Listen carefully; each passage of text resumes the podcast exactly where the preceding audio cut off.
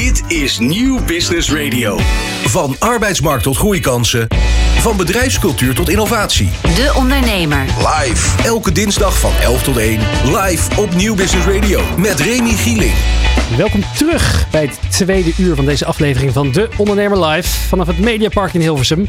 Zo dadelijk bespreken we wat we kunnen verwachten van de KVK Ondernemersdagen in Rotterdam. We hebben een nieuwe Data Dinsdag. Nico Dijkshoorn komt natuurlijk ook weer te horen. We hebben fietsenmerk Veloretti op bezoek. En natuurlijk spreken we verder met onze tafelheer Nick Koedam van kledingmerk Nols Nulsen. Maar eerst wederom het laatste nieuws.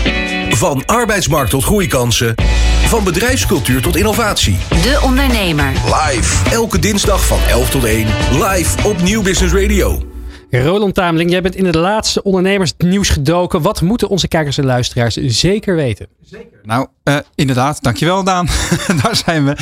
Um, uh, op onze website lees je natuurlijk alle highlights ook en nog veel meer achtergronden. Maar wat mij uh, vanmorgen opviel is dat de Nederlander zijn online winkelbandje massaal laat staan bij hogere verzendkosten en onduidelijkheid over de be betaalmethode. Maar liefst twee op de drie Nederlanders kiezen ervoor om een online bestelling niet te voltooien wanneer er bij het afrekenen opeens hoge verzendkosten of belastingen bovenop de kosten komen. Dat blijkt uit onderzoek van financieel dienstverlener Molly onder 3000 op, uh, Europeanen, waaronder 500 Nederlanders. En ik kijk meteen even naar onze co-host vandaag, en Niek. Ja. Uh, ten eerste uit jouw eigen ervaring, als jij online iets bestelt, herken je dit? Haak jij ook wel eens af later in het bestelproces? En vraag nummer twee, hoe doe je dat bij Nulsen? Nummer één, uh, ik koop zelf niet zo heel veel online. Ik heb wel een, voor mijn bedrijf waar ik veel dingen online koop. Dus uh, verzendzakken of ja. uh, inkt cartridges, dat soort dingen. Maar ja, daar zijn we allemaal bij een Coolblue, bij een Paco verpakkingen zijn we allemaal hebben we een account en dan druk ik op opnieuw bestellen. Dus dat is allemaal niet echt hoge wetenschap. En ik weet waar, wat ik kan verwachten. Precies. Morgenlevering, wat de verzendkosten zijn, dat ja. soort dingen. wij merken wel online zelf heel veel verschillen in Um, betaalmethodes en verzendkosten. Kijk, bij ons is het vanaf één shirt uh, heb je verzendkosten, dan moet je die zelf betalen. Mm -hmm. Maar vanaf twee shirts, dan betalen wij de verzendkosten. Dat is eigenlijk om de klant te stimuleren om twee shirts te kopen. Maar wij zien dus daadwerkelijk ook dat heel veel mensen daardoor twee shirts kopen. Dus ik denk dat die verzendkosten ook wel daadwerkelijk een impact heeft op je bestel ervaring en ja. wat je doet met bestellen. En als je het hebt over betaalmethodes, wij hebben een tijdje gewerkt met. Um, je hebt uh, Afterpay en heb je ook nog die roze Klarna. Uh, Klarna. Ja. En uh, dat hadden we een tijdje aanstaan en dat was echt vreselijk. Want wij zagen dat waar mensen normaal hun maat niet kenden, een maat 39 en 40 kochten, daarna ja. een maat terugstuurden en wisten dat ze 40 hadden. Voor ons geen probleem, want hè, een klant moet uiteindelijk erachter komen welke maat hij heeft. Mm -hmm. Maar toen wij, klaar, uh, toen wij uh, Klarna aan hadden staan, toen kochten mensen maat 37 tot en met 42. En uh, stuurden dan de rest terug. Eén, uh, onwijs veel deadstock, want het ligt allemaal bij andere mensen in de woonkamer. Ja. En nummer twee, mensen die stoppen met nadenken voor het bestellen. Dus ze gaan gewoon niet eens meer naar de size chart kijken. Ze denken, weet je wat, ik hoef het toch niet te betalen. Ik bestel al die maten en ik stuur de rest terug. En dus dat zorgt ook voor een dommere consument. En eigenlijk ook uh, eigenlijk het meest slechte van dit hele verhaal. Super slecht voor de, uh, voor de environment natuurlijk. Want al die mensen die blijven maar heen en weer sturen. En die denken dat PostNL ook maar... Nou ja, dat is een ander nieuwtje natuurlijk wat afgelopen week naar buiten kwam. Dat er uh, gespeculeerd wordt over belasting op bezorgpakketjes. Hè? Hoe zie jij dat? Ja, ik denk dat het een hele goede is. Oké. Okay. Ja, want ik... de, kijk ook als uh, bedrijf vind ik het prima om die te betalen. Maar uiteindelijk is het zo dat het nummer één voor mij is denk ik dat de consument wel een beetje opgevoed moet worden met ja. wat is nou duurzaamheid en wat is nou uh, kopen. Je gaat ook niet als je zelf uh, niet, zeg maar, mensen gaan ook niet drie kwartier rondlopen in Albert Heijn omdat ze dat zo leuk vinden. Mhm. Mm. Maar laten wel uh, drie keer een PostNL busje heen en weer rijden. Dus ik denk dat de opvoeding van de consument het belangrijkste is. En als dat moet door middel van belasting, dan denk ik dat het prima is. En wat zou er vanuit jullie nog beter kunnen in dat hele uh, bestelproces en leverproces? Nou ja, kijk, kijk wij zijn een bedrijf, dus wij verdienen meer geld als het bestelproces uh, geoptimaliseerd is. Ja, precies. Is. Dus ik kan me voorstellen dat je dat onderzoekt. Wij zijn constant bezig met het optim optimaliseren van ons bestelproces. En en het optimaliseren van ons verzendproces. Dus we zijn nu net begonnen met SendCloud. Het zorgt dat je wat makkelijker kan verzenden. Je kan meerdere keuzes doen. Dus je kan het laten, af, laten bezorgen ergens. Of je kan het door DHL in plaats van mhm. PostNL bezorgen. Dat soort dingen, dat is belangrijk. Maar dat is voor ons logisch, want wij verdienen er meer geld op. Maar ik denk dat het voor de consument, als je het hebt over duurzaamheid en over ja, gewoon niet te veel busjes onnodig heen en weer laten rijden, denk ik dat het heel belangrijk is dat er naar gekeken wordt. Je hebt hiervoor op de presentatiedesk eh, twee doosjes liggen van Nulsen. Hè? Die, die, die zien er hartstikke vrij uit. Eh, maar je zou er ook voor kunnen kiezen om nog smaller en nog lichter te gaan. Uh, nou ja, dit is precies een briefbusdoos. Dus het kan daarom precies door de brievenbus. Ja. Dat scheelt weer dat ja, een PostNL misschien niet in een afleverpunt hoeft te rijden. Dus dat zou duurzaam kunnen zijn in de praktische vorm. En nogmaals, mensen hebben ook de keuze om niet te verzenden met uh, verzenddoos. Dus dan krijg je het gewoon uh, in een plastic zak. En je vindt het niet jouw verantwoordelijkheid om per definitie in een zo licht mogelijke verpakking ja, nou ja, kijk, het is uh, in dat opzicht onze verantwoordelijkheid. Maar we willen wel dat iemand een, een leuke ervaring heeft. Kijk, als jij bij een sterrenrestaurant gaat zitten en je krijgt je uh, glas uit, uit een coconut, gerecyclede beker. Ja. ja, dat is goed voor het milieu. En dat is de verantwoordelijkheid van het restaurant. Maar dat maakt de experience niet per se heel veel beter. Nee, nee je, je wijn smaakt toch anders. Het is altijd een beetje een afweging daarin. Hoe kijk je nog naar die grote kledingplatformen die meer en meer komen? Je ziet dat veel merken zich toch wel aansluiten bij Zalando. Omdat daar veel consumenten toch al zitten. En die, Wij eh, ook. Jullie, ja? Ja, sinds, uh, sinds een jaartje nu zijn we aangesloten via Zalando. Omdat zij hadden een heel mooi connected retail programma. Waar je dus zeg maar als je winkel dicht was en je had een fysieke winkel. Dan kon je je gratis aansluiten bij Zalando. Waardoor je dus wel online sales kon creëren. Omdat tijdens corona je winkel dicht was. En hoe, hoe, hoe werkt dat in de praktijk? Nou ja, wel heel goed, want het heeft voor ons heel veel uh, verkoop gerealiseerd. Maar je ziet wel dat wij zitten normaal op een uh, gemiddeld retourpercentage van 20%, wat nog laag is voor de kledingbranche. Uh, maar als we kijken naar onze data van Zalando, is het al gauw 40%. Veel, groot, groot verschil. Waar zal het dan liggen? Uh, nou ja, om, ik denk dus om terug te komen op jouw uh, verhaal, de, de, betaalmethode. Want mm. op Zalando heb je wel uh, dingen zoals Afterpay, Klarna, weet ik wat. Ja. Dus zodra het pakket niet van iemand is, zullen ze ook niet echt heel erg nadenken uh, wat ze willen bestellen. En als je dus met een Afterpay methode kiest, dan is het niet van jou. En dan kun je het wel bestellen en dan stuur je het daarna weer terug. Dus het belangrijkste signaal is eigenlijk, uh, alle partijen zouden meer hun verantwoordelijkheid moeten nemen. Zowel de consument als bedrijven. Hoe zit, met, hoe zit het met die data nog? De laatste ding over zijn land. Nee, ik wil door met een tweede nieuwtje, Remy. Nee, ik wil deze nog weten. maar ik had het net over. Dat je zo belangrijk vindt dat je die, die, die, data van die klanten hebt. Heb je dat dan wel als het via Zalando wordt besteld? Niet helemaal. Dus je krijgt wel verzenddata en je ziet wat ze kopen. Uh, maar je kan die data niet opslaan. Dus die data is niet van ons. Oké. Ik wil er zo graag door, want weet jij wie wij over een krap half uurtje aan de lijn hebben? Ik weet het. Ja? Ja. Ga jij het al verklappen of niet? Victor Knaap van Media Monks. Ja, en dat is leuk, want het tweede nieuwtje gaat inderdaad over Media Monks. Eh, want zij zijn opnieuw de winnaar van de Gouden Groeier Award van de top 250 groeibedrijven in Nederland. Voor het tweede jaar op rij is het uh, Hilversumse mediabedrijf uitgeroepen tot het snelst groeiende bedrijf van Nederland in 2022. Uh, de prijs werd uitgereikt in het Avas Theater in Leusden. een initiatief van het Erasmus Center for Entrepreneurship En NL Groeit. En uh, Victor Knaap, die nam de, de prestigieuze award uh, in ontvangst. En, en uh, hij zegt dat het afgelopen jaar het, het lastigste jaar was voor Monks. En hoe dat allemaal zit, daar gaan we dus straks even verder over praten. En leuk om te weten, op 6 december aanstaande is Victor ook meteen onze co-host. Dus kunnen we twee uur lang helemaal in de diepte. maar dat is een, ja, toch wel bijzonder dat een mediabedrijf tot de grootste groeiers van Nederland behoort. Ja, nou, zometeen in de uitzending horen we er meer over met CEO Victor Knaap. Maar eerst gaan we bellen met de Kamer van Koophandel. Dit is De Ondernemer live op Nieuw Business Radio. Op 10, 11 en 12 oktober vinden de KVK Ondernemersdagen plaats bij de KVK in Rotterdam. En om daarover te vertellen hebben we een digitale verbinding opgezet. Een digitale luchtbrug met Klaar van Ittersen van de KVK en Rut van der Vlucht, ondernemer van stagecontent.com. Welkom beiden. Ja, dankjewel. Goedemorgen. Goedemorgen. Goede, goede, goedemiddag is het eigenlijk alweer. Maar ik snap inderdaad, nou, als je al, al zo'n lange dag erop op zit, dat het nog eens morgen vroeg. Uh, uh, ja, het, was, uh, uh, het is dus gisteren, vandaag en morgen de KVK Ondernemersdagen. Hoe was het gisteren en vandaag? Nou, gisteren was al echt een ontzettend succes. Het was onwijs leuk om hier alle ondernemers, ook uh, mede-ondernemers eigenlijk hier te treffen. En ja, ik haalde daar ontzettend veel inspiratie uit van onder andere Taco Anema, oprichter van Kwik.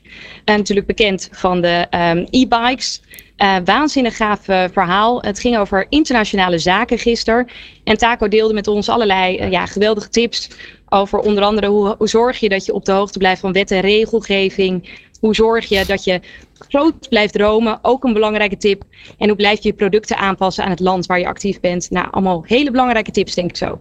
Ja, jullie richten je op uh, ervaren micro-ondernemers, las ik ergens online. Wat moet ik me daarbij voorstellen? Ja, dan moet je je bij voorstellen dat wij eh, vooral vanuit KVK wel bekend staan als een heel mooi startmoment. En uiteraard er nog heel veel fasen volgen nadat je bent gestart als ondernemer. Uh, waarin je met name ook als je kijkt naar de meer micro-MKB'er.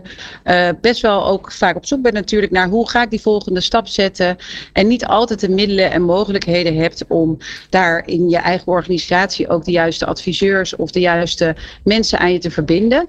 En daar hebben we met deze ondernemersdagen vooral ja, uh, de contact en de behoefte aan om die verbinding veel meer te maken voor die micro-MKB'er. Dus als je dan al wat op weg bent en je hebt vragen over heel veel verschillende onderwerpen, er komt natuurlijk heel veel op ons af als ondernemers, dan is het toch extra fijn als je daarin met andere ondernemers of ondernemers die hier zijn voorgegaan, maar ook partners die jou daarbij kunnen helpen, die connectie kunt maken en die vervolgstappen ook aangereikt krijgt. En dat is echt het doel wat we hier hebben met deze dagen. In de studio staat ook Nick Van Nulsen. Je bent hard gegroeid, maar ook jij bent ook ooit ergens begonnen. Hoe heb jij dit toen gedaan? Hoe heb jij, waar heb jij je kennis en netwerk vandaan gehaald?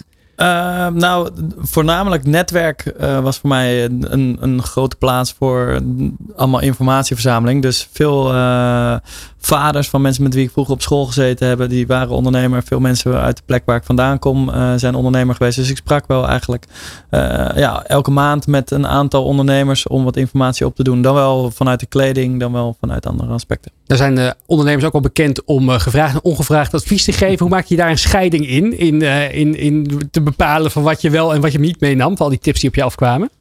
Ja, nou ja, over het algemeen heb je altijd wel weer wat aan iets. Dus uh, de informatie die je dan hoort over kleding, over productie, neem je mee voor wat je nu wil weten. Maar uiteindelijk gaat het gesprek niet altijd alleen maar over één ding. En dan kun je andere dingen ook meenemen daarmee. Carlot? Nou, ik wilde weer eventjes eh, terug naar de dames eh, die aan de digitale lijn hangen. Want uh, vandaag op dag 2 staan digitale zaken centraal. Uh, Rut, uh, er zijn natuurlijk heel veel ondernemers mee bezig met digitalisering van het bedrijf. Wat zijn wat jullie betreft de grootste uitdagingen voor die ondernemers en wat leren zij op de, op de ondernemersdagen bij jullie? Nou, ik denk dat de grootste uitdaging is, is eigenlijk hoe zorg je er ook voor dat je dat veilig doet, hè, dat digitaliseren. Um, dus daar staan we ook uh, zeker vandaag, uh, uh, staat men ook hier bij stil. Ik ben ook benieuwd hoe, hoe Quinten Selhorst daarover nadenkt. Quinten Selhorst is van Felix, ja. natuurlijk bekend van het deelscooterbedrijf. Um, ja, eigenlijk simpelweg door middel van je app kun je, heb je overal toegang tot, uh, tot een deelscooter. En ik ben wel benieuwd hoe hij, dat, uh, zorg, hoe hij zorgt dat dat ook veilig kan. Dus uh, voor hetzelfde geld wordt je telefoon gejat of gehackt en uh, en staan opeens al, de, al die scooters op, uh, op marktplaats, even gechargeerd. Ja. Dus ik ben heel benieuwd hoe hij dat, uh, hoe hij dat regelt. En dat, nou, dat gaat natuurlijk ook veel verder dan dat. Want je kunt natuurlijk ook afvragen als je digitale kassa's hebt. nou ja, goed, noem, noem eens even een voorbeeld van digitaliseren. Moet je gewoon zorgen dat je dat uiteindelijk nou ja, veilig doet en dat je gewapend bent tegen, tegen cybercrime. En wat leer je dan op de dagen en hoe, hoe uh, jullie KVK ondernemersdagen en, en op welke manier kunnen ondernemers daar dan uh, heel, heel tastbaar mee aan de slag? Nou, uh, ja, sorry, ik wou zeggen, uh, klaar, uh, vul aan. Ja, nee, helemaal leuk. Graag. Nee, wat we, wat we wel heel belangrijk vinden is dat je inderdaad aan de ene kant heel veel inspiratie op doet. Hè? Dus dat is met Felix denk ik een heel mooi voorbeeld van hoe, hoe is hij jou voorgegaan. Ja. Maar vooral ook dat je daarna hele mooie praktische tips en tricks daarop krijgt. Hè? Want niet iedereen is Felix en heel veel mensen zijn juist op zoek naar, oké, dit zijn mooie voorbeelden, maar hoe ga ik dat nou voor mezelf dan ook toepasbaar maken? En dan vind ik het ook wel heel gaaf om te zien, er zit wel een tweeledigheid in. Aan de ene kant, uh, ja, je moet je wapenen door uh, nou, firewalls en dat soort dingen natuurlijk uh, ook klaar te hebben staan. Maar aan de andere kant ook het stukje gedrag.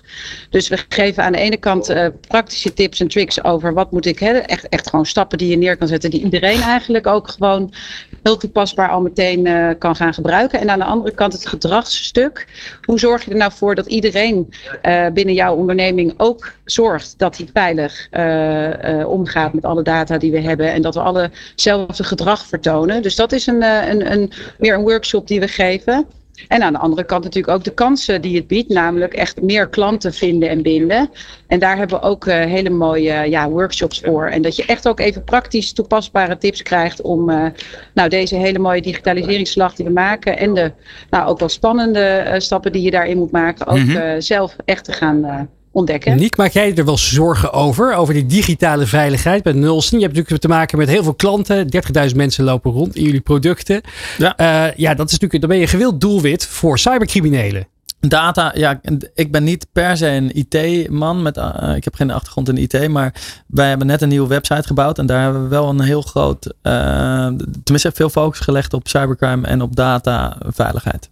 Ja, want vaak denken we ondernemers ook, hè, ik, ik ben misschien niet per se een doelwit. Uh, hoe, hoe weten de, de Russen, de Chinezen, de Noord-Koreanen, nou waar, wherever de boefjes zitten, mij te vinden. Maar het is vaak een, sleep, een sleepnettechniek. Hè? Dus als je een, een achterdeurtje per ongeluk toch laat openstaan, ja, dan weet je je wel te vinden. Nou ja, en zoals net al goed gezegd werd, van wat nou, kijk, ik kan daar goed mee omgaan. En ik weet eh, wanneer het echt uh, onveilig begint te worden.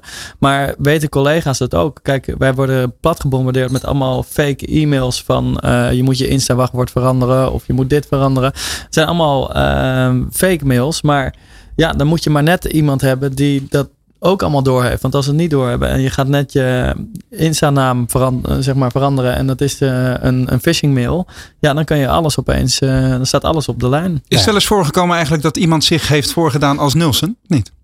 Ja, um, laatste keer heel erg zelfs. Want toen hadden we en iemand die had een website gemaakt die onze producten verkocht voor 24 euro. En nou, dat was echt dus waar, echt, joh? Echt, ja, was een soort spiegelsite. Uh, ja, was echt een neppe website. En we hebben ook laatst iemand gehad die uh, winacties van ons uh, kopieerde, maar dan onder nolson.nl. Wat dacht je toen je dat zag? Nou ja, daar schrok ik wel van. En, en, toen heb ik uiteindelijk Instagram constant benaderd. Omdat zij via Instagram die winactie oh, fakte van ons. Maar, Heel moeilijk um, om contact te krijgen waarschijnlijk. Of ja, onmogelijk eigenlijk. En zij doen ook weinig aan het rapporteren, vond ik. Dus zij zijn allemaal e-mailadressen aan het verzamelen om die winactie naar dus uh, e-mailadres van mijn klant te sturen. Ja. Uh, wat super gevaarlijk was. Dus dat was uh, een probleem. Maar ja, daar heb je ook weer niet directe contacten met Instagram, dan wel Facebook, om dat probleem op te lossen. Nou ja, hoe je daarmee om moet gaan, dat hoor je onder meer op de KVK Ondernemersdagen. Maar nu kunnen, kunnen luisteraars en kijkers denken van ja, gisteren was het al, vanmiddag kan ik me nog wel aanmelden, is de vraag. Zeker, altijd. En uh, we hebben morgen ook nog een hele dag. Dus uh, als het vandaag toch net toevallig even niet lukt, dan heb je morgen alsnog uh, een hele mooie kans. Waar moeten ja, mensen zich dan dat, melden? bij kvk.nl slash ondernemersdagen. Wat wordt morgen thema? Ja, morgen wordt het thema geldzaken. Uh, ik kijk daar persoonlijk heel erg naar uit. Uh, want ik denk dat dat een, nou ja, natuurlijk een heel belangrijk thema is. Niet in de laatste plaats, omdat we natuurlijk in een hele uitdagende tijd uh, leven. En ik denk dat ik voor veel ondernemers spreek als we zeggen dat we het allemaal toch wel een beetje een spannende tijd ook vinden. nou, inflatie, hoge energieprijzen, uh, uh, hoge kosten. En alle kanten is het spannend, personeels- of arbeidskrapte. Dus ik denk dat we aan alle kanten benieuwd zijn natuurlijk naar, naar de tips en de oplossingen die zowel experts, partners, maar ook de ondernemers morgen gaan geven tijdens de KVK Ondernemersdagen. Morgen hebben we onder andere Aad Ouwborg gaan we hier zien. Natuurlijk doorgewinterde ondernemer. En ik ben echt heel benieuwd hoe hij kijkt naar de wereld van nu.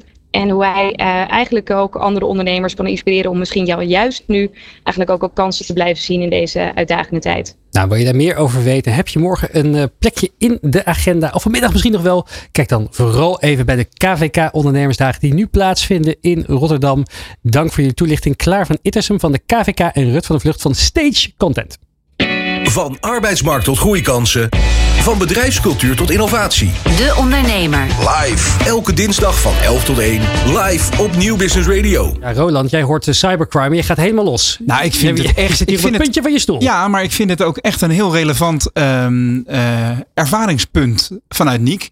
Want kun je nog even vertellen wat jij net vertelde voor mensen die het gemist hebben? Wat gebeurde er eh, met jullie website? Ja, onze website werd eigenlijk gespiegeld door eh, een phishingpartij. En eh, daar werden prijzen aangeboden die eigenlijk niet kunnen. Volgens mij zie je het ook wel eens voorbij komen op Facebook van koop een Ray-Ban voor 14,95.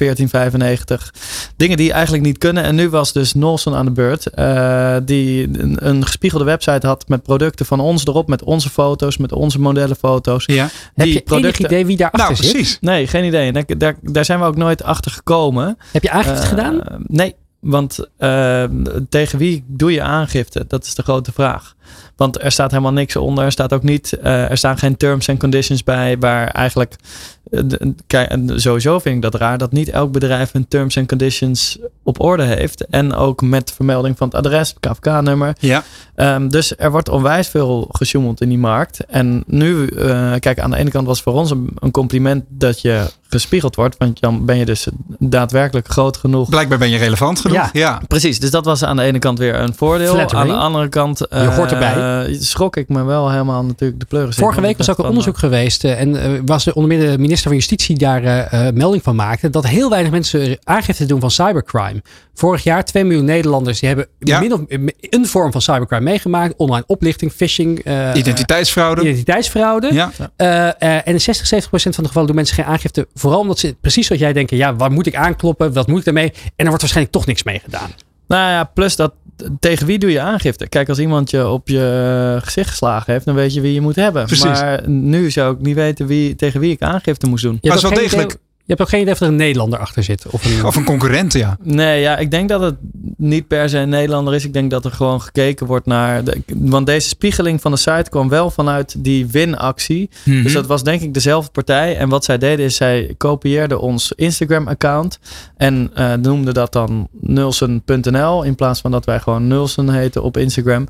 En dan gingen ze uiteindelijk die winactie doen. En dan hadden ze al die e-mailadressen verzameld. Daar stuurden ze dan een e-mail naartoe. Ja. En dan zeiden ze: Je hebt gewonnen. Klik op deze link. Nou, en zo Oh, eh, zo ga je. begon eh, het riedeltje. Dus toen hebben wij op ons Instagram, terwijl wij een hele mooie winactie hebben lopen, hebben we moeten zeggen: eh, Pas op. Pas op. Ja. Eh, er zijn ook van die eh, phishing dingen nu bezig.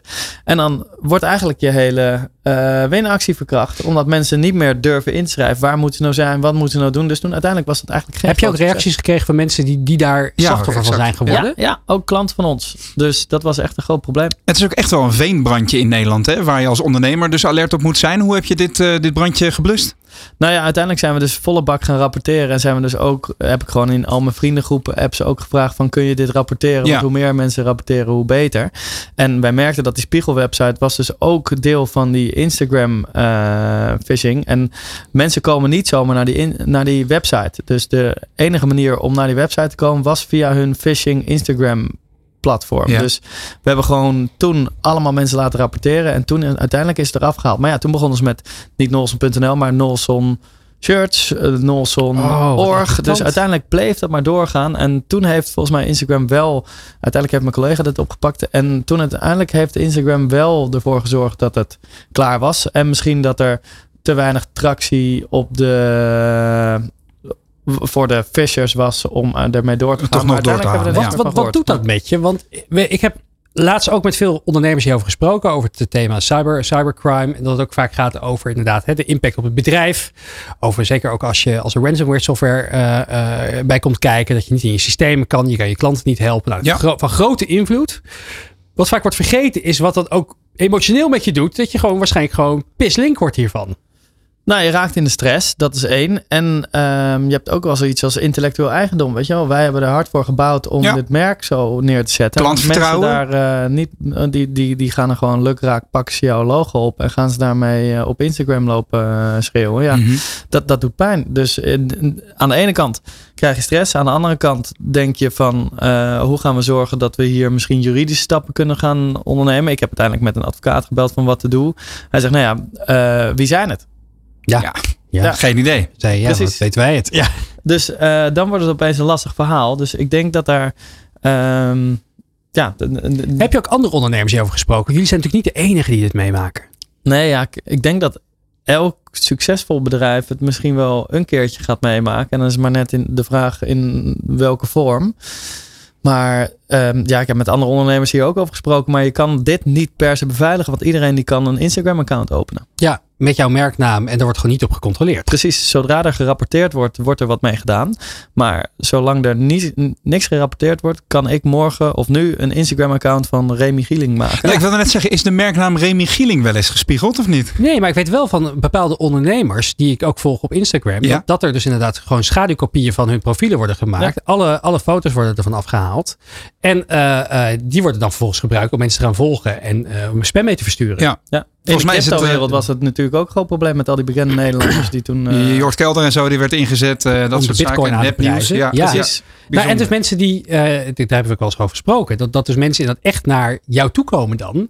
Met, boos van, ja, jij hebt mij opgelicht. Die hebben, er zijn dus gewoon nog steeds mensen die dan denken van, ja, maar Jort jij hebt dit aanbevolen. Ja. En dat je dan zegt, ja, mijn naam wordt gewoon gebruikt op een website. Dat is nou, echt dan letterlijk alles te zien ook nog eens, weet je wel. Nou, dat is ook de vraag die ik net even aan Niek wilde stellen. Want uh, zijn er klanten die uh, hierdoor minder vertrouwen hebben gekregen in Olsen? Niet dat ik weet, maar wij hebben het niet in zo'n hele grote vorm meegemaakt. Dit was een winactie die ge, gekopieerd werd mm -hmm. en uiteindelijk door phishers gebruik werd gemaakt om de e-mails te verzamelen.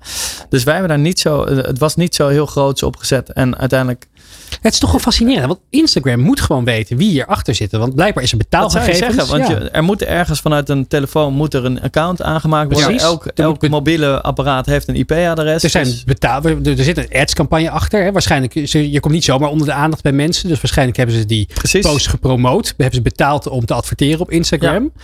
Dus daar kan je toch achterhalen, zou je nou, zeggen. Ja, er wordt wel dat... steeds meer aangedaan door Facebook en dingen. Dus je moet nu ook om uh, met je KYC moet je laten zien dat jij de eigenaar bent van het bedrijf. Nou, en, customer, dus, ja. dus dat soort dingen, dat is nu wel gaande. Dus het wordt steeds moeilijker. Maar sommige dingen houden ze juist zo makkelijk mogelijk. Dus een Instagram-account openen. Voor Instagram is het heel goed om dat zo laagdrempelig mogelijk te houden. Want dan krijgen ze meer gebruikers. Maar ja, die laagdrempeligheid zorgt ook ervoor dat er dus heel veel gekopieerd wordt. En dus heel veel Fishers ook nog steeds daar uh, bezig zijn. Maak je er wel zorgen over, uh, uh, Roland? Want je bent ook onder, ondertussen langzaam maar zeker meer en meer een, een, een, een, een bekende, nou niet een bekende Nederlander, maar in ieder geval een, een bekende, zeker in de autowereld aan het, aan het, aan het, aan het worden. Vooral een herkenbaar radiohoofd. Ja. Herken, ja. Nou, je, je, je, je, je YouTube-kanaal groeit als kool. Ja. Dus je zou ook kunnen zeggen dat mensen op een gegeven moment Roland Tameling gaan kopiëren. Nou, om allemaal autoscam mee te versturen. Volgens mij is het serieus een keer gebeurd met onze gewaardeerde columnist Nico Dijkshoorn, als ik me niet vergis, heb ik hem een keertje uh, een oproep zien doen van jongens, rapporteer deze, rapporteer deze persoon even, hij doet me na.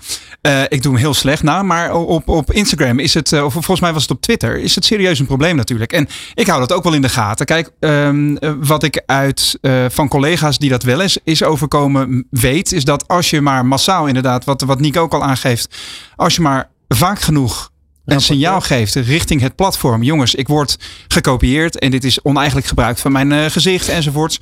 Uh, dat, ze er wel, dat ze het wel serieus nemen. Maar kijk, uiteindelijk denk ik ook de directe communicatie met, met mijn volgers en met jouw klanten hè, uh, lost al heel veel op. Hè? Ja. Zeker op het moment dat er geen rekeninggegevens en zo worden buitgemaakt door dat soort partijen. Maar ze moeten dit vanuit platforms echt heel serieus nemen, denk ik. En het is ook weer een waardevol signaal, ook vanuit de overheid, om dit hoog op de agenda te houden. Elon Musk is er volgens mij heel hard mee bezig met Twitter om te zorgen dat dit soort dingen niet meer. Het is natuurlijk bizar dat je, dat je onder een alter ego eigenlijk op Twitter kan zitten. Hè? Of, of een, een, een naam uh, wat niet, die niet je eigen naam is met een, uh, met een avatar die, uh, wat weet ik veel, een, een, een, hondje is dat op een schoot ja. van een Chinese vrouw zit, om maar eens wat te noemen. Het gaat eigenlijk helemaal nergens over. En hij is daarmee bezig inderdaad om de privacy, um, of in ieder geval het schuilen achter iemands anders gegevens onmogelijk te maken. De laatste vraag hierover. Knuppel het hoenderhok is het ook niet een beetje aan ons allemaal om hier gewoon wat meer alert op te zijn? Als when it sounds too good to be true, it probably is. Het is zo oud als de weg naar Rome. Maar mensen zijn er heel gemakkelijk in geworden om maar in elke internetscam te trappen die er voorbij komt, omdat er toevallig een goedkoop prijskaartje aanhangt. En dan vervolgens heel erg uh, uh, de, de, de, de, de boze witte man uit te hangen. Van ik ben opgelicht en mensen doen dit mij aan. Ik vind ook wel een beetje dat we met z'n allen iets meer kunnen opletten op wat, waar we op klikken. En welke e-mails we en welke sites en welke accounts we wel en niet kunnen vertrouwen. Ja, toch blijven mensen naïef. Dat is uh, denk ik het antwoord. Ja, maar het is ook wel, het gebeurt op zoveel verschillende manieren tegenwoordig. Hè? Ik bedoel, als ik, als ik al naar mijn spambox kijk in de mail, dan ben ik alert genoeg om, het, om ze allemaal te verwijderen. Maar het zijn er tientallen per dag. Ja. En ik kan me voorstellen als je iets minder digitaal onderlegd bent of iets minder alert bent daarop, um, nou, dat je best wel eens voor de bel kan gaan. Nou, ik, dus. vind, ik vind eerlijk gezegd nog steeds dat de rol van de mens als, uh, als, als, als ultieme controlebron daarop. 100%. Maar ja, jij bent beter opgevoed daarin dan, dan andere mensen. Kijk, als je ja. gewoon. Uh, kijk, als je ondernemer bent en je weet wat je allemaal te beschermen hebt, dan ga je ook veel voorzichtiger om met dat soort e-mails. Nou, maar als je dat ja. niet hebt en je bent er niet mee bekend, dan is zo'n mailtje van de ABN van er staat een incasso voor de deur. Als je nu niet. Dan Mhm. schrik je. En dan misschien dat je dan wel klikt. Ja. En, Of vanuit een betrouwbare partij zoals de AWB kreeg ik uh, voor, mijn, voor mijn, uh, mijn, uh, mijn pechhulp. Kreeg ik, joh, je hebt je rekeningen niet betaald. Ik denk, ja, rekeningen niet betaald, wat een onzin. En je gaat toch, het lijkt allemaal zo ja. goed. Voor je het weet, klik je er klik, toch op. Ja. maar het is volgens mij wel mooi om hier straks nog even over door te gaan. Ook over de, het digitaal paraat houden en, en gereed maken van, van jouw bedrijf, Nulsen, voor de toekomst. De Ondernemer. Live op Nieuw Business Radio. MediaMonks is gisteravond voor het tweede jaar op rij uitgeroepen tot de Gouden Groeier. En dat is daarmee het snelst groeiende bedrijf van Nederland in 2022. MediaMonks CEO Victor Knaap hangt aan de lijn. Victor, van harte. Ja, dankjewel. Uh, uh, een groot feest gevierd. Hoe heb je deze mooie titel tot je genomen? Nou, het, is, het, het, het, was nogal teleurstellend, want ik zit met COVID thuis. Oh, oh dat, is, ja. dat is sneu. Ik heb, uh, Van het feest heb, of had je het al? Ik heb een liter, uh, een liter water gedronken en drie vitaminepillen genomen. Nou, we, we, wensen je in ieder geval eh, gezondheid technisch het allerbeste. Was je er wel bij ja, via Zoom of heb je het telefonisch doorgekregen? Sorry? Was je erbij via Zoom of heb je het telefonisch doorgekregen? Ja, nee, nee, nee. nee. Uh, ik was erbij via Zoom. Um, en um, ik werd gebriefd om, uh, want we hadden in, uh, vorig jaar ook gewonnen. Dus ik dacht dat ik het over moest geven aan, uh, aan een ander bedrijf. Dus ja. ik had een hele speech voorbereid wat je nou precies moest doen als snelste groeier. groeier van het jaar. Ja. en toen ging het naar ons voor het tweede jaar. Dus dat was, dat was een, een verrassing. Hoe snel, is die, hoe snel is die groei gegaan, Victor, als je het vergelijkt met de huidige situatie en die van twee jaar geleden? Um, nou ja, het is een beetje. Um, uh, ik denk dat het bedrijf um, sinds we beursgenoteerd zijn um, uh, rond de 25, 30 procent groeit per jaar. alleen de, de, de, de, de nummers worden natuurlijk steeds groter. Dus we zijn uh, van 6000 naar 9200 mensen gegaan in 2022. Hoe hoe, uh, uh, een van de, van de dingen die je natuurlijk vaak hoort als een bedrijf heel erg aan het groeien is dat je van ondernemer meer bestuurder wordt. Nou, jullie hebben een ontzettend grote, uh, enorme groei meegemaakt. Wat je al zegt, fusies, beursgangen. Hoe zorgen jij, maar ook je, je, je kopje investie, dat je ook nog steeds een ondernemer... Eén beursgang. Ja, één, één beursgang, één beursgang. maar hoe zorgen jullie ervoor hè, dat je toch een beetje die ondernemende spirit er voor jullie in ieder geval inhoudt? Ja, nee, ab, ab, absoluut. Um, um, kijk, ik richt me voornamelijk op de, op, de, op de business en de business zijn klanten. Dus wij moeten zorgen dat onze klanten groeien. Um, en uh, wij geloven dat onze, onze digitale producten helpen om, uh, om, om goede marketingcampagnes te maken waardoor onze klanten groeien. Dus daar ben ik uh, voornamelijk mee bezig. ik zit wel in de, in het board van, van S4, dat is het beursgenoteerde bedrijf erin. Uh, maar dat is toch, dat wordt meer door Sir Martin, um, de CFO's en Scott Spirit, de Head of Strategy, uh, geleid dan, uh, dan door mij. Ja. Um, en dat komt ook omdat ik gewoon dag in dag uit bezig ben met, met klanten. Dus in principe, behalve dat um, toen het heel positief was, onze beurskoers, dat ik heel veel applaus kreeg overal. Van mensen die geïnvesteerd hadden. En nu het wat naar beneden gaat, krijg ik heel veel kritiek. Uh, maar is mijn leven gewoon nog precies hetzelfde. Ja, je, je, je doet het niet snel goed als ondernemer natuurlijk. het gaat ongelooflijk hard. ik lees hier 8000 medewerkers, kantoren, Londen, Stockholm, Dubai, New York, Los Angeles. Het gaat maar door, het gaat maar door. Nou ja, we, hebben, we, hebben vijf, we zitten in 35 landen. Dus ik weet niet hoe lang je je radio-uitzending duurt, maar ik zou ze niet allemaal opnoemen. Nee, het zijn 9200 mensen in 35 landen.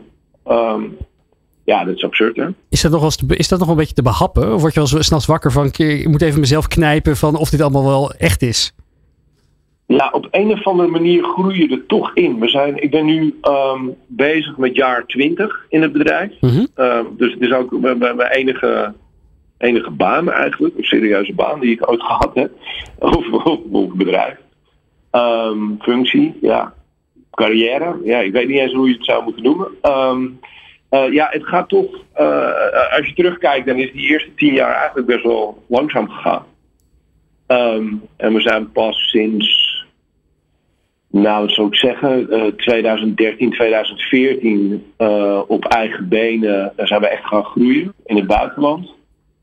Um, 2008 de eerste stap genomen trouwens naar, naar Londen. En misschien een bruggetje naar de potentiële crisis die eraan komt. Dat heeft ons echt gered.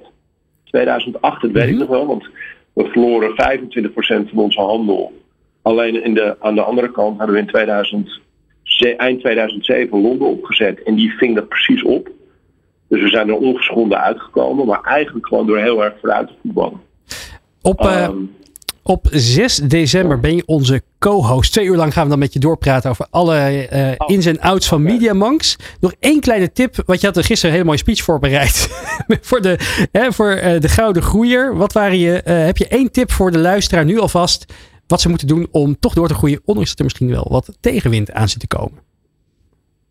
Nou ja, kijk, um, 2000, uh, over volgend jaar um, um, lijkt erop dat het best wel spannend gaat worden. Uh, vooral de eerste zes maanden. Um, um, en ik denk dat, dat, dat, hoewel dat niet in de aard zit van een groeibedrijf om op kosten te gaan letten. Um, maar uh, ik denk een flexibele laag, helemaal bij arbeidsintensieve uh, bedrijven, zoals, zoals van onszelf, een flexibele laag aan te brengen dat je, dat je, dat je de piek en de dalen, dat je niet geschoren wordt in de dalen en dat je niet de piek aan kan dat is denk ik het, het belangrijkste waar, wij op dit moment mee, uh, mee bezig zijn. Nou. Um, want het, ja, ja, het is misschien wel een beetje um, in de reclamewereld, omdat het, omdat het zo opportunistisch is. Dus het kan ook zo snel weer aangaan dat je opeens dat hele jaar inhaalt in, uh, in H2. Um, maar ja, die calibratie tussen, tussen mensen en omzet is denk ik um, uh, de allerbelangrijkste tip op dit moment. Ik ben heel erg van het vooruitgeballen geweest. En als je een kleiner bedrijf hebt en je bent in één land, dan is het misschien echt niet onaardig om, om eens te kijken of er andere inkomstenbronnen. Wat ik zei in 2008 heeft ons echt door de crisis heen geholpen. En nu zijn we heel erg uh, uh, bezig om te kijken van ja, we zien nog steeds een super healthy pipeline. Maar ja, klanten geven pas slecht nieuws heel erg laat. Er zijn weinig klanten die je gaan bellen en zeggen ja, het wordt misschien moeilijk volgend jaar. Dus je krijgt het echt precies op de dag van tevoren te horen als je orders naar beneden gaan. Dus ja, daar moet je op een of andere manier toch een inschatting voor maken. Wees wendbaar. Dat is misschien een goede conclusie. Nou ja, ik vind het mooi, uh, mooi samengevat. Ja, daar ben ik zelf niet heel erg sterk in. Victor, heel erg veel uh, sterkte. Ziek lekker uit. Uh, en we hopen je dan op 6 december gezond en wel hier als co-host te mogen ontvangen in de studio van De Ondernemer Live. Dank voor je toelichting hier vandaag. Dit item wordt mede mogelijk gemaakt door de laadpas en laadpalen van MKB Brandstof. Van A naar business met Roland Tameling. Over alles op wielen, innovatie en duurzaamheid. Luister en kijk mee naar De Ondernemer Onderweg. Ja, van de snelste groeiers van Nederland, de top 250, gaan we naar fietsen. Wil je trouwens de volledige lijst zien? Kijk even op deondernemer.nl. Daar zie je onder meer MediaMonks, StudyWorks, maar ook uh, bij de special, of, uh, betalingspionier Molly en vele anderen. Maar voor de studio hier op het Mediapark in Hilversum staat Roland Tameling klaar met Veloretti. en dat klinkt heel Italiaans, maar het is gewoon oer-Hollands. Roland, wie heb je bij je? Zeker, zeker Remy. Uh, Veloretti klinkt inderdaad als een soort Italiaanse koffiebrander, hè? maar niets is minder waar. Veloretti is een oer-Hollands fietsenmerk. En ik sta hier met Tom Wolters, de head of sale van, uh, van uh, Veloretti. Tom, um, wat heb je bij je? Ja, ik heb hier ons allergrootste trots op dit moment. Dat is onze e-bike. De Veloretti Ace. Ja. Dit is het zogezegd het mannenmodel. Hè? Kun je me even om, omschrijven voor de mensen die aan het luisteren zijn? Wat zien we hier? Ja, we zien hier toch wel een hele mooie retro uh, fiets natuurlijk. Met alle gemakken van dien. En uh, uitneembare accu, een uh, automatische versnellingsnaaf, het gemak op het stuur met verschillende standen. Ja, we hebben hier vrij veel technologie in een toch wel hele mooie traditionele fiets uh, gestopt. Ja, want het is niet waarmee jullie zijn begonnen, zo'n tien jaar geleden. kun je ons even meenemen naar hoe Veloretti ooit is begonnen in Amsterdam? Ja, zeker. Um, Ferry, dat is onze oprichter, mhm. die, ja, die kon gewoon geen geschikte mooie designer fiets vinden voor een betaalbare prijs. Dus die is aan de slag gegaan en heeft uh, zelf het ontwerp in handen genomen om een hele mooie stadsfiets te maken. Al vrij snel hebben we daarna ook uh, kinderfietsen gedaan die een beetje hetzelfde model hebben. Dus ook die hele mooie traditionele uitstraling. En ja, twee jaar geleden, nee, sorry, we zijn al twee jaar bezig. Vier jaar geleden inmiddels, uh, dachten we, ja, we willen ook die mobiliteit gaan veranderen. Dus hebben we ook de e-bike ontworpen. En die zit ook weer in diezelfde prachtige stijl. Ja. Uh, prijsklasse ongeveer zo'n 2.500 euro. Hè? Um, ik kan me voorstellen dat de kijker en luisteraar meteen moet denken... hey, een Amsterdams hip fietsenmerk. Dan denk je natuurlijk meteen aan Van Moof. En qua uitstraling komt het ook wel een beetje uit hetzelfde vijvertje. Uh, waar, waarmee ik niet wil vloeken in de kerk natuurlijk van Veloretti. Maar wat doen jullie anders dan, uh, dan, dan ja, toch wel de grote concurrent, zou ik maar zeggen? Nou ja, je hebt gelijk dat wij wel een klein beetje in dezelfde vijver vissen uiteraard als uh, uh, een Van Moof. Ja. Um, ja, onze grootste concurrent is eigenlijk uh, de auto. en andere mobiliteitsvormen en misschien wel de weersomstandigheden. Ja. Ik denk dat we daar wel het meeste mee van doen hebben. Maar wij proberen voornamelijk ons te richten op een, een merkbeleving neerzetten. En dat, dat is dit natuurlijk een groot voorbeeld van. Maar ik denk dat het mooiste eigenlijk is dat het al begint bij die kinderfietsen. Um, de helm bijvoorbeeld. Dat is best wel uit het straalbeeld verdwenen, terwijl dat in het buitenland uh, doodnormaal is. Mhm. nou, ook dat soort dingen, dat zijn allemaal dingen die wij proberen neer te zetten. En um, we focussen niet per se op product. Maar we kijken heel erg naar wat past nou binnen iemands levensstijl. We snappen ook prima dat iemand behalve een fiets misschien ook nog wel een auto rijdt. Of een deelauto. Maar ja, wat past er nog meer in dat plaatje? Dus, hè? Ik heb die helmpjes, eh, ik heb die helmpjes even gezien hè, bij jullie eh, op het hoofdkantoor in Amsterdam. En uh, dat, dat, ook dat is heel hip vormgegeven. Andere kleuren, mooie materialen. Het is, het is zeker niet het, laten we zeggen, het lullige helmpje waar mensen een beetje zo'n doembeeld van hebben. Dus het zit hem vooral in die uitstraling en het uitbreiden van ja, de stijl die je uitstraalt met je fiets naar andere delen van je leven. En hem dus zoveel mogelijk inzetten in je dagelijkse woon-werkverkeer onder andere. Hebben jullie nou specifieke... Um, aanbiedingen of uh, specifieke businessmodellen voor zakelijke gebruikers? Uh, ja, uh, we zijn vorig jaar begonnen met bijvoorbeeld leasing aan te bieden. En dat is een eerste stap, denk ik, om die hele mobiliteitsvorm met flexwerk en al die dingen, om dat al een beetje te gaan faciliteren. Mm -hmm. Um, maar we doen twee dingen. We doen dat en we hebben ook nog dat we samen met bedrijven altijd kijken hoe kan je een fiets nog meer inzetten. Nou, we richten ons op gezonde medewerkers, dat soort dingen, maar we richten ons ook op marketinguitstralingen. Dus we hebben niet specifiek een aanbieding dat je zegt van hey, als je ondernemer bent, dan krijg je altijd 30% korting. Um, maar we proberen het wel op andere manieren te faciliteren, na te denken, mee te denken met die ondernemer, om te kijken hoe kan je nou een fiets inzetten op meerdere manieren voor jezelf en voor de medewerkers. En wat zijn daar antwoorden op dan op die vraag? Um, ja, wederom, ik denk dat het eerste begint met uh, echt niet alleen maar te zeggen, nou dit is het, maar dat we luisteren. Dat proberen we ook met onze consumentenklanten te doen, maar gewoon echt vragen te stellen en uit te vinden van wat is er nou belangrijk voor jou. En er is niet eenduidig antwoord op te geven. Maar voor leasing bijvoorbeeld is de vraag vanuit een HR heel vaak: hey, maar blijven wij niet zitten met die fietsen? Nou, daar hebben we over nagedacht. Dus we hebben letterlijk al met alle leasemaatschappijen al die informatie opgehaald om met zo'n ondernemer de goede antwoorden te kunnen geven. Om ervoor te zorgen dat ze helemaal ontzorgd, helemaal blij ja. zo'n propositie kunnen aannemen. En nu groeien jullie als kool. Hè? Je hebt een, een, een mooi, heel mooi product, mag je wel stellen. Qua uitstraling sowieso. Maar als ik op internationaal vlak, eh, stel ik eh, in, in San Francisco of in New York, eh, zeg ik, joh, noem eens een, een mooi Nederlands fietsmerk. Dan komt waarschijnlijk nog niet Veloretti naar boven borrelen. Jullie hebben sinds kort zijn overgenomen door PON. Hè? dat hebben we eerder ook al besproken. Swapfiets kwam al voorbij in de, in de, in de, in de uitzending. Zo'n grote partij. Wat doet dat voor jullie internationale ambities? Nou, die waren er al. Uh, we zijn al wel eens benaderd door partijen die ook in Amerika actief zijn. Maar voordat we daar naartoe gaan, moeten we zelf gewoon een aantal dingen heel goed opzetten. De organisatiestructuur, maar misschien ook het land goed kennen, wet en regelgeving. Dus dat verandert niet per se, denk ik, door uh, nu de inmenging van, uh, van POM. Mm um, we blijven gewoon een zelfstandige club die ontzettend hard bezig zijn met die groei. Dus we richten ons eerst op de dingen die we goed kunnen. Nou, dat is verder uitbreiden met de e-bike binnen Europa. Uh, dat is de productie en alle andere zaken gewoon echt heel erg meenemen en uh, dat goed op orde brengen. Het zou fantastisch zijn om net als een ander merk ooit een keer de grote sloot over te gaan. Maar ik denk dat we heel veel kennis kunnen halen uit PON. En dat als we zo'n stap zouden willen zetten, dat we echt heel erg goed van gedachten kunnen wisselen.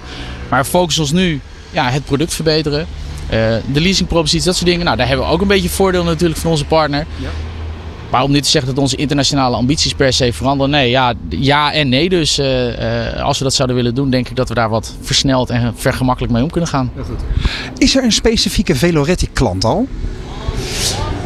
Wij denken van wel. Uh, al spreken we een steeds bredere doelgroep aan. Ik denk dat als je denkt aan een hippe Veloretti-rijder, dan is dat een jong iemand ergens tussen de 20 en de 40, 42 druk leven, die zowel vrije tijd als werk uh, goed weet te combineren met familie, maar die voornamelijk dat, dat ritje, dat, dat ritje van huis naar werk of naar vriend, dat dat een, een leuk onderdeel van je dag moet zijn. En ik denk dat we het op die manier wel kunnen beschrijven hoe onze, ja, hoe onze doelgroep in elkaar zit. En dan rij je dus op een mooi product in Nederland gebouwd en ontworpen. Mooi Veloretti, we gaan het in de gaten houden. Dankjewel Tom uh, voor deze korte uitleg over Veloretti en de toekomstplannen. Want als ik het zo be uh, begrijp, gaan we hier nog veel meer over horen. Zeker, ja. Zeker. Dankjewel. Dit is De Ondernemer live op Nieuw Business Radio. Van de fietsen gaan we naar data. Want het is natuurlijk weer de Data Dinsdag. En data-expert Job van den Berg van Bluefield Agency is aangeschoven in de studio. Job, waar ga je het vandaag over hebben? Ik ga het vandaag hebben over metaverses en mixed realities. Een beetje de nieuw kids on the block uh, in data en digitalisering. Ja, daar maak je mij, maar ook zeker onze videoman Mark van Binsbergen enorm blij mee. Dus nou, we gaan ik hoop het. heel erg graag naar je luisteren. data en digitalisering zijn bij veel bedrijven een hot topic. Hoe kan data mijn bedrijf verder vooruit helpen? En de ontwikkelingen op het gebied van data en digitalisering denderen door. En sinds een aantal maanden hoor je nieuwe termen de revue passeren: metaverses en mixed realities. Ik kan me heel goed voorstellen dat je denkt: hoe is dit bij te houden? En wat moet ik hier nou als bedrijf concreet mee? We hebben de ene dag over de kansen van data en de dag erna over metaverses. En nog een aantal andere trends. Moet ik nou stoppen met data en mij gaan richten op metaverses? Misschien weet je niet eens wat metaverses en mixed realities precies zijn. In deze column geef ik je graag een concrete definitie en handvatten om te bepalen hoe je met deze trends om kunt gaan. Ik hoop je met deze column praktisch advies te geven en heel concreet te maken wat het is en wat het doet. Laten we even terugspoelen naar een aantal jaren terug. Je kunt misschien nog wel de Google Glass herinneren. Het eerste tastbare voorbeeld van een mixed reality. Waar de digitale offline wereld uh, samensmelten. Want dat is eigenlijk waar we het over hebben met deze nieuwe trends. We denken nu of in de offline wereld of in de online wereld. Denk aan het kopen van kleding, dat kan of in de winkelstraat of via een website. Echter, wat de nieuwe trends kenmerkt, is dat de grens tussen offline en online vervaagt. Die Google Glass als eerste concrete voorbeeld van een mixed reality deed dat door interessante online informatie over bijvoorbeeld de menukaart van een restaurant of reviews letterlijk te projecteren op de bril als je in de stad liep. Online meets offline. Uiteindelijk werd die bril geen groot succes. Ja, waarom eigenlijk niet? Waarom zou dit soort innovaties nu wel kunnen werken?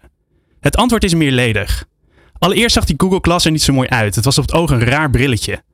Ten tweede, er zat een camera op die alles vastlegde. En inmiddels is dat not done. En privacy-wise zelfs strafbaar. Ten derde, en misschien wat het belangrijkste, de technologie was nog niet zo ver. Om al die datakoppelingen en projecties goed uh, te, te maken. Te vooruitstrevend eigenlijk voor de mogelijkheden die tech en data in die tijd boden. Het was te ingewikkeld en de technologische drempel was te hoog. We waren nog niet zo ver. Maar nu zijn we technologisch gezien zover dat dit mogelijk is. De drempel is nu laag dankzij technologie om die online en offline werelden samen te laten smelten.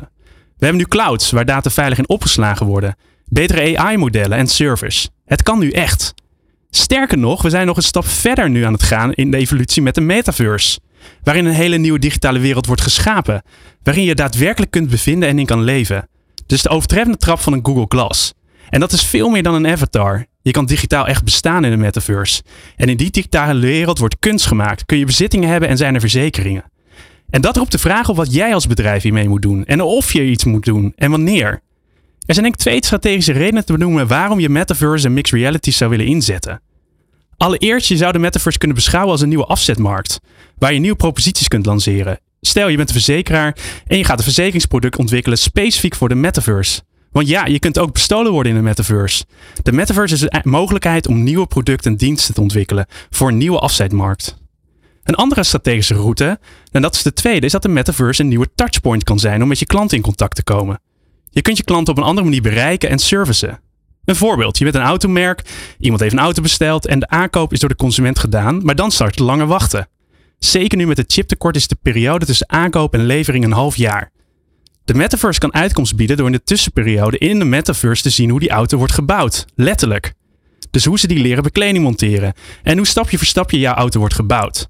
De metaverse brengt je dus al in contact met het product waarop jij aan het wachten bent. Sterker nog, je beleeft het maakproces mee in een digitale wereld. De metaverse kan dus een nieuw middel, kanaal zijn om je klanten te ontzorgen of te bedienen. Maar dan de hamvraag. Is de metaverse en mixed realities ook voor mijn bedrijf relevant? Als je die overweging wilt maken, neem dan een drietal zaken in ogenschouw. De allereerste.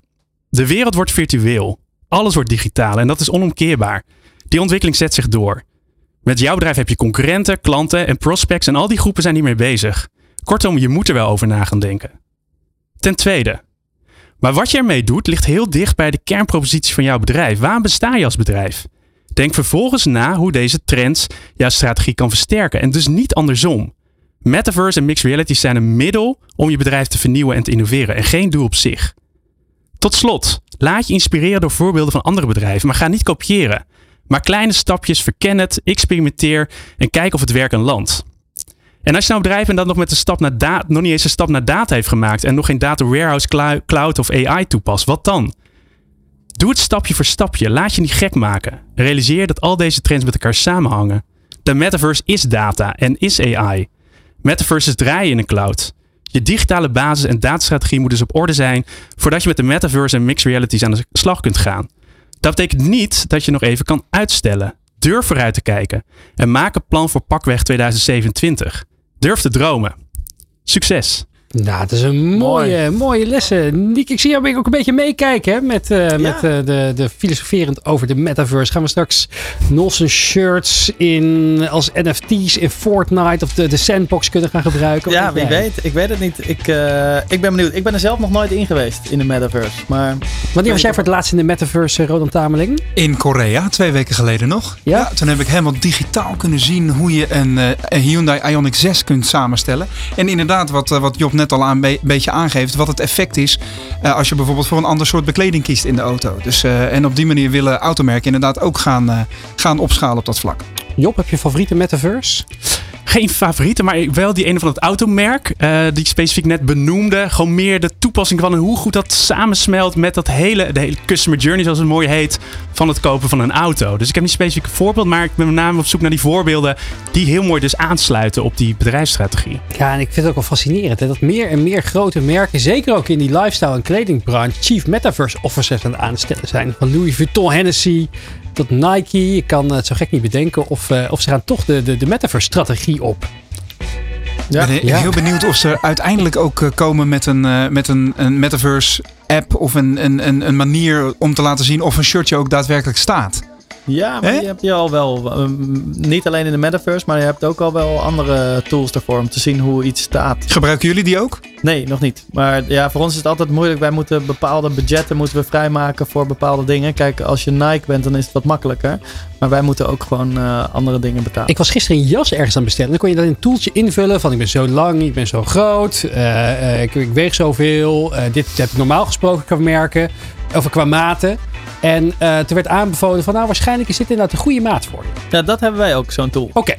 Dus een soort van measurement, een soort van uh, measurement ja. inschatting. Hè? Maar ja, dat is eigenlijk alweer outdated. Klinkt heel nieuw, maar ja. nu heb je dus inderdaad dat je kleding kan zien op, uh, op een lichaam vanuit de webcam. Ja. Maar is het wel iets wat op jullie roadmap staat om daar wel mee op te gaan richten? Of in de meerjarenplannen? Of? Uiteindelijk willen we wel meer met die digitale kansen gaan doen. Maar daar heb je dus heel veel mensen nodig die dat begrijpen. Want ik ben dus zelf nooit in de metaverse geweest. En ik begrijp de metaverse niet zo goed. Uh, dus daar heb je mensen voor nodig. En je hebt geld nodig en budgetten om te zorgen dat je dat ook kan toepassen. Nou, we gaan misschien een keertje op metaverse excursie. Dat lijkt me gaaf. maar voordat we dat gaan doen, gaan we eerst luisteren natuurlijk naar de zalvende woorden van onze huiskolonist Nico Dijkshoorn. Dit is De Ondernemer live op Nieuw Business Radio. Ondernemertjes. De co-host van vandaag is bevlogen, innovatief, degelijk, down to earth, maar toch heeft hij ook het goede vleugje krankzinnig optimisme in zijn lichaam. Zelfs ik, een man die bijna een leven lang heeft gevochten tegen het overhemd, ik ga volkomen om als ik naar Niek luister. Natuurlijk vond ik het teleurstellend toen een jaar of tien geleden het overhemd opeens weer aan een opmars begon. Mensen van mijn leeftijd, een jaar of zestig, hebben zich helemaal leeggevochten om de status die een overhemdje zomaar gratis en niets kan verschaffen, om die te vernietigen. Ik was ooit van de beweging die vond dat je ook in een afgerachte oude tuinbroek naar een sollicitatiegesprek moest kunnen. En dat wilde ik hier vandaag eigenlijk allemaal heel zaggerijnig gaan zeggen. Beoordeel niemand op zijn kleding, maar nu, na twee uurtjes Niek, ben ik helemaal om. Ja, Niek, jouw overhemd heerst als de neten. Toch heb ik enige kritiek op je managementstijl. Je lijkt ongeveer met iedereen te hebben gesproken, behalve met mij. Niek, je hebt duidelijk te veel met vastgeroeste overhemddragers gesproken toen je inventariseerde wat de wensen zo ongeveer waren. Nou, Niek, daar komen ze. Als jij mijn ideale overhemd wilt maken, pak dan even een notitieblokje nu en schrijf maar op. Dit is mijn wensenlijstje. Kan je een speciaal sollicitatieoverhemd maken, waarin transpiratievocht wordt opgevangen in jouw vernuftige sweat, neck en back reservoir, zodat je als sollicitant na een lastige vraag, bijvoorbeeld als ze vragen: Heeft u ervaring met graafmachines van 12 meter lang? Dat je dan niet gaat zweten als een os en dat de sollicitatiecommissie je hemd langzaam ziet veranderen in een natte dweil. Niek, kan je ook een overhemd maken met een ingenieus pompsysteem onder de oksels, waardoor het voor beginnende artiesten veel makkelijker wordt om net te doen alsof ze zweten als Joe Cocker of Woodstock. Ontwikkel dat, Niek.